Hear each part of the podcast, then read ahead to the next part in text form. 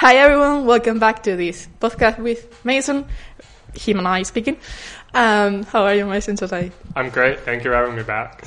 It's uh, it's been a long time without you being here, so you're you're really glad of being here again. Totally. I'm gu- I'm happy to be back. Uh, today we have a really interesting topic because in, in my case I grew up with like high school films like Mean Girls or I don't know more actual Euphoria, uh, Yeah, totally. actual representation of the um, high school life of students. So you're here for talk about like the stereotypes that are true, the stereotypes that are false, like how it's been in high school, in middle school in the US. Yeah, yeah. Like what it's like in Yeah. American high school. Yeah, yeah, yeah. It's like the subjects and everything. Yeah. I well, so I went to a public school in uh, Fort Collins, and it was it was pretty large. It was like two thousand students or so, um, and that was for 9th, tenth, eleventh, and twelfth grade. So the equivalent of uh, it would be third and fourth of ESO, and then bachillerato, the first and but second. like third and fourth is not high school because it's it's like primary. Sc- the school system is like let me like yeah, yeah. it's kindergarten. You have kindergarten, do you know? Mhm. Yeah, okay. kindergarten, primary school, hmm middle school, Yep. and high school. Exactly. And middle school is like to first of high school till fourth. When you're Uh, middle school is it's first in it's it must be the last year of primary school for you, and then the first year of ESO and the second year of ESO. So there's three years in middle school, and the last two years are first of ESO and sec- second of ESO, and then tercero ESO is the first year of high school for us. tercero. Yeah, How, how much years of high school we have? uh, we have four. So we have Oh, tercero ESO, okay. cuarto ESO, Okay, okay. and then bachillerato. Okay, okay, okay. Yeah, yeah, and so uh, yeah, so I went to public uh, elementary, middle, and high school. um, um, I think that here you guys also well we have. Uh, there were options. I could have gone to a private school or a charter school, which is a school that has it's a um, it uses public money, so taxpayer money, uh, but you have to apply to go to it as if it were a private school. So it's kind of a combination of the two. I do think that there's schools similar like to that Yeah, here. I yeah. can't remember what they're called. Though. Yeah, like contratada. yeah, Yeah. exactly. Here we Um, have the, the three school system, but contratada is like you go, but you have to pay. It's like Mhm. not, but they don't touch it. They don't like choose you. Yeah. I don't think so. Okay. But, Well, then maybe they're Maybe- similar. Maybe, maybe- they're not exactly the same. yeah, maybe they choose you, and I just don't know. Yeah. yeah, yeah. I don't know. I've been my whole life in a contratada school, so I don't Okay. technically like. I was so young when I go into it, Uh-huh. so I don't know if they choose me. Yeah, yeah. Okay, yeah. Um, well, yeah. So I well, I moved to the United States when I was ten years old, and so I went straight to the elementary school.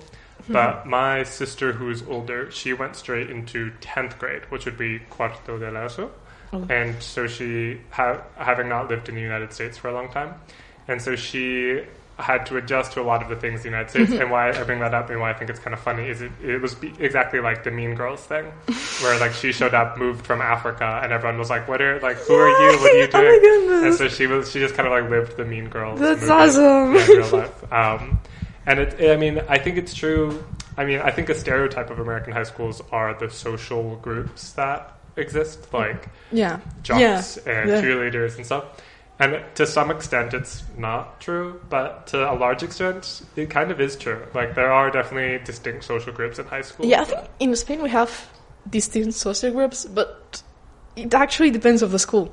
yeah. I think depends of the school you have different social groups. Mhm. So, but I kind of feel like in the films of the US they're like more stereotype Uh-huh. groups, like the mingers are the mingers and the good guys and the good guys. And Yeah. all of that is more stereotype. So yeah, totally. And it was there were a lot of like small social rules Hmm. that at the time I like didn't like I, I participated in them, but I didn't realize them consciously maybe. Hmm. But now looking back, like the like the cool like or like the cool kids or certain groups of students would Hmm. Eat lunch in very specific places, and if you ate lunch in a different place, it was like weird. Or like you would stand in certain places in the hallway, or things like that. It was all like a lot of it was very rigid and um, particular, which I, I think is interesting. I think this doesn't happen here. Yeah. you use the school. I've never seen that. Nothing. No one do that. yeah, Uh, but um, I think no one do that because if you do that in Spain, they will go like, "I hit you in the face for doing that," because it's like this is from everyone. So yeah, Yeah. we're more like that.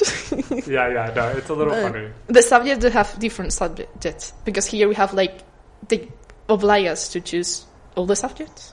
You can choose all the subjects. No, we, we are like we have to take the subjects, but we Mhm. don't choose them. So we Ah, have to yeah. have all some subjects that are there for everyone. Yeah, Mostly the subjects for everyone, yes. except some of them. And we start to choose our subjects when we're in third of life, so fourth of life, so mostly bachillerato. So Right. yeah, a lot of people is like, I hate math, but I have to do math. I hate Galician language, but I have to do Galician language. I hate, I don't know, most of it. But you, you in the US, you don't have to choose it.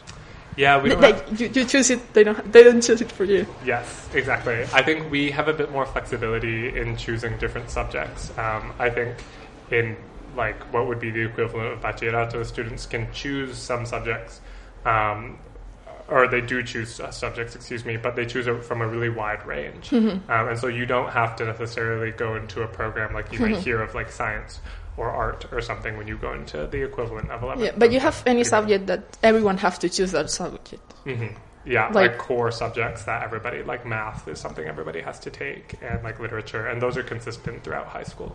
Oh, they're like math, literature, English. hmm So okay. Yeah, things like that. And then in some schools, this is not very common, but this was this was the case in my high school where uh, we could choose to do uh, bachillerato or baccalaureate for our last two years of high school, and so they only offered uh, international baccalaureate or bachillerato internacional. And yeah, we have here that, Yeah, but I think in one school here in Vigo there is that that program. I don't know if it's like in one. I just know that they're private school, the one that I have. I Like think our- I think it's a I think it's the school in Ocastro because I know. yeah, but that's that's English a private one. That's a private Ah, one. That's okay. a lot of money. okay, okay, yeah, yeah. So we like as uh, in the public school, we had the option to choose between doing normal American high school or doing the baccalaureate program Mm-hmm. for the last two years. Uh, so I did that program, and about fifty or no, I think it was seventy-five students in my grade out of five hundred decided to do it. So very few students did, uh, but it was an option. It's it's not. I mean, as long as I know, because I have a friend that is studying in the school, Mhm. they're more like not inter- they're international, but they're just they look to the um, system from the UK and Ireland, Yeah. and they really look through that. So they have like all the system and most of this. It's a it's a I don't know. It's a complete. It's a different thing than what Yeah. we do here. They have subject that it's like oh my goodness, what are you having this subject? Yeah, totally, But totally. Some of them they're really crazy. So what's like the most strange subject that you have? the strangest? Yeah. Ooh, I don't know. Well, we also don't have like you guys have tutoria here. Yeah. Um, we don't have that, and so we would have like. But if you have a problem with like something, what professor do you go? Um, well, there are counselors at school Mm-hmm. that are just people who work at the at the front, like in the office. Yeah. Well, here we have orientadora, but it's just one. And if it's a big school, then you have a Mhm. problem. Right. Well, we have. it is a big problem that there are not enough counselors in schools, and if you have a problem like uh, a conflict or something, normally students just resolve it between themselves. Um, Oh. but if there's something that's like, like you would talk to your counselor about like an incident of like cheating on a test or like I don't know if you really like I don't know hit someone or did something very bad.